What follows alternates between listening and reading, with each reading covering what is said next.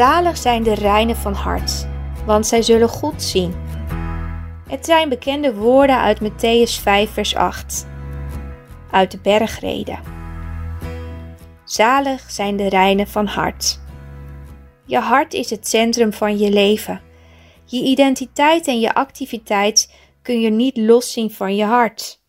En daarom vraagt Jezus er vaak aandacht voor. Echt geloof is een persoonlijke relatie met God.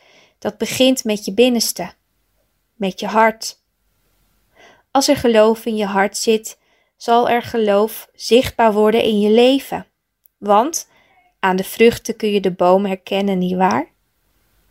Maar als je in je hart er geen ontzag is voor God, dan zal er huichelarij of goddeloosheid zichtbaar worden in je bestaan.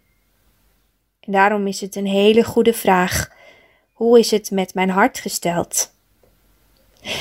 In elk geval zit er kwaad in ons hart. De profeet Jeremia wist dat al.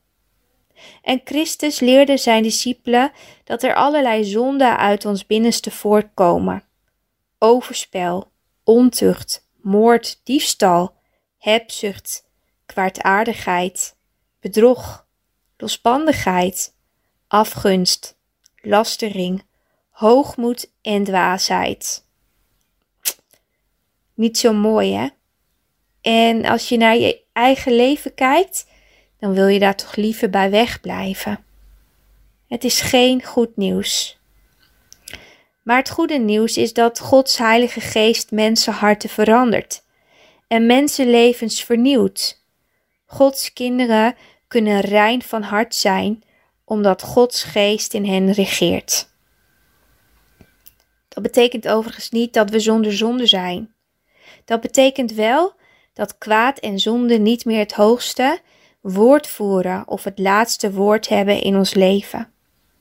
Door Gods genade worden zij, worden wij een nieuw persoon.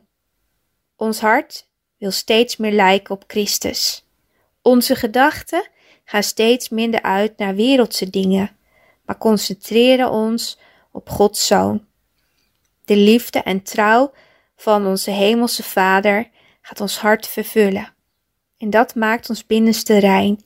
En dat wil zeggen dat ons hart op God gericht is.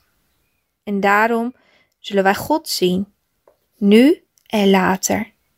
Elke dag zien wij God met ons hart. En op een dag zullen wij God zien met onze eigen ogen. Wat een heerlijkheid om dat te weten. Zalig ben je als je rein van hart bent, want wij zullen God zien. Als je hart op God gericht is, zal je Hem met je eigen ogen zien.